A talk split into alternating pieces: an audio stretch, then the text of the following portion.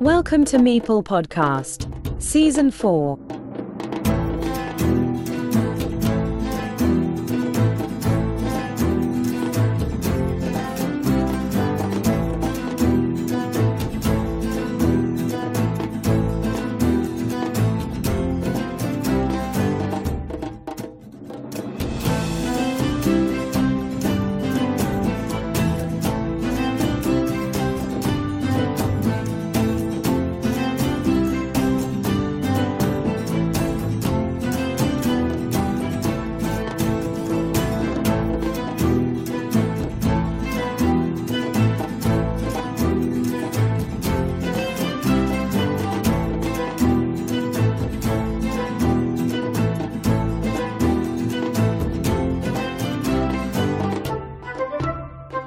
Welcome back to Meeple Podcast. Today we have with us a two time champion from the Netherlands, captain of his national team and participant in Herne at the World Championships in early October 2023. Patrick Bekkenutte Bekse on BGA. Welcome to the Sound channel. Hi there, Joaquin. Thank you for having me on your podcast. Great, great fun. Last year, a great player like Geert Versteeg are now another great player. Yeah, Gert. He's indeed a great player. Um, in general, there are more and more top players climbing up from the Netherlands, and it's moving in the right direction. Uh, Gert and I play together in the Dutch national team, and he usually guarantees a solid win, and he is also a very nice guy. Uh, we played the final of the Dutch Championship, where he beat me, so he went to Essen and not me. I would like to play him again in the final to get my revenge. You are twice the champion of your country. If I'm not mistaken, the previous one was in 2018, right? Yeah, that's correct. I played a very close game that final, and I was over the moon when I won it in the end. In 2019, Sean Noordwijk won it, who's also a great player. Then two years of no Dutch championship because of COVID. And in 2022, I came second, losing to Gert in the final. Gladly, this year I won. But this is the third time you are going to Germany to participate in the World Championship, because you played the tournament in 2021. Who won that year and where did you place in your country's championship? Because of COVID uh, in that year, we didn't have a national championship at all. Um, the organization of the World Championship asked two names that would be sent to Essen from the Netherlands. And the Dutch organization chose Els Bulten and me. Uh, Els has been a long-time regular who was world champion in 2011. And I finished eighth in my first world championship. So because of that result, they asked me. And of course, I said yes. Tell us something. About this edition, you say in your BGA profile that you lost to a foreign player. Exactly, you said lost to a non Dutchy, but in the end, you were crowned champion. What exactly happened then? Was he disqualified and you were awarded the victory? Well, it was a strange final because of several things. Uh, firstly, I played a Belgian player in the final. Uh, that's possible at the Dutch Championship because foreign players are allowed to enter the Dutch nationals, but they can't be sent to the World Championship to participate on behalf of the Netherlands. So I already knew before I started the final that I was the best Dutch player and I would go to Germany to play in the World Championship.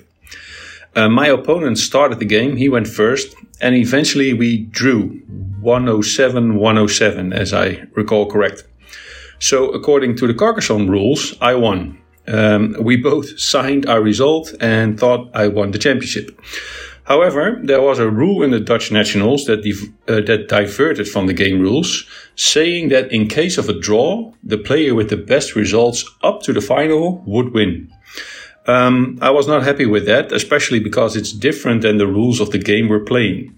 My guess is that next year the Dutch nationals will follow the game rules uh, as they should. Something you also point out in your BGA profile is that you were shamelessly the bottom of the list of players who participated in the World Cup in the 2021 edition. You write in your profile blatantly last at Carcassonne World Championship 2021. Yeah, that edition was horrible for me. As mentioned, I finished eighth in my first World Championship, so I came with high hopes to Essen to beat that result. However, my first two games I lost rather unlucky, so then I knew I would not play a meaningful role and lost my motivation. Saying that out loud now makes me realize that's terrible and I should have been happy to even be there. But that's how I'm built. You're either in it to win it or it's nothing. So only place number one counts.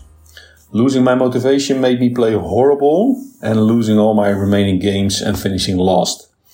In retrospect, I should have kept pushing and try to win at least one game. Tell us about this edition 2023 of the Dutch Championship and your experience up to the final. Well, at the moment, the Dutch nationals are organized in a way that there are three rounds played with four or five players at a table. After these three rounds, scores are collected, and the top 16 players out of those three rounds are playing 1v1 and then decide who is to be crowned champion. Uh, we're trying to get this changed, so if you could plead for that as well, I would thank you. Um, the first round I won, second round I came second, and the third preliminary round I won. So that cost uh, that got me to the last 16. Uh, one tight game and two great games got me into the final against my Belgian opponent, in which we drew, uh, as I mentioned before. You already know the ins and outs of the most coveted international tournament for any player. But what are you looking forward to at this new opportunity at World Cup? I'm looking forward to a couple of things. Firstly, um, I need to redeem myself because of my last World Championship. Finishing last is out of the question. I'm also looking to beat my highest classification, so at least I want to finish seventh. Furthermore, I'm looking forward to meeting some of the players I regularly play on uh, Board Game Arena. Uh, that was a joy the last two times, so that will be great this time as well. It's it's such a friendly community, and it feels great to play an international tournament with players from all over the world, um, of whom all love this game. Lastly, um, the organization of the tournament does an awesome job, so it's always a joy to play this greatly organized tournament. About the WTCOC 2023, in this edition, you were drawn in a very difficult group with Germany, Japan, Romania, and the Czech Republic. Yes, very tough. Um, those were countries with some of the best players in the world. Uh, Japan, at that time, the only team to ever win the Online World Championship. Germany, one of the best European teams. Romania, with top notch players. And of course, uh, Czech Republic, which is also a tough opponent every time. Um, the tournament went okay. The first game against Romania was very, very close. We could have won that. Uh, the same goes for the game against Japan.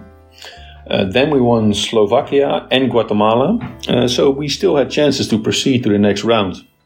But then Germany kicked our butt 0 5, and if I recall correctly, it became very, very hard to reach the next stage as of then. However, we won Mexico in a solid win, but then lost to the Czech Republic, and it was over. Uh, but it's such a joy to play this tournament and to captain our Dutch team. We we keep improving year by year, and we're expanding our players list. So you will hear from us in the near future. What do you think is the key to have a good participation in the WTCOC, taking into consideration that the level of the top five of many national teams is similar? Um, I think it's consistency. If you look at our previous results, we already beat big teams. We beat Japan, we beat Germany twice, we beat United Kingdom, Belgium. However, we are having problems displaying the same level each game.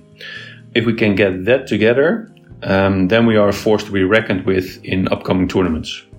Individually, we also regularly beat high ranked players. So the ingredients for making it very far in a tournament are there, but now we need to show that consistently. I would like you to tell us an anecdote about Carcassonne with your friends or family in a tournament, etc. Anything you like.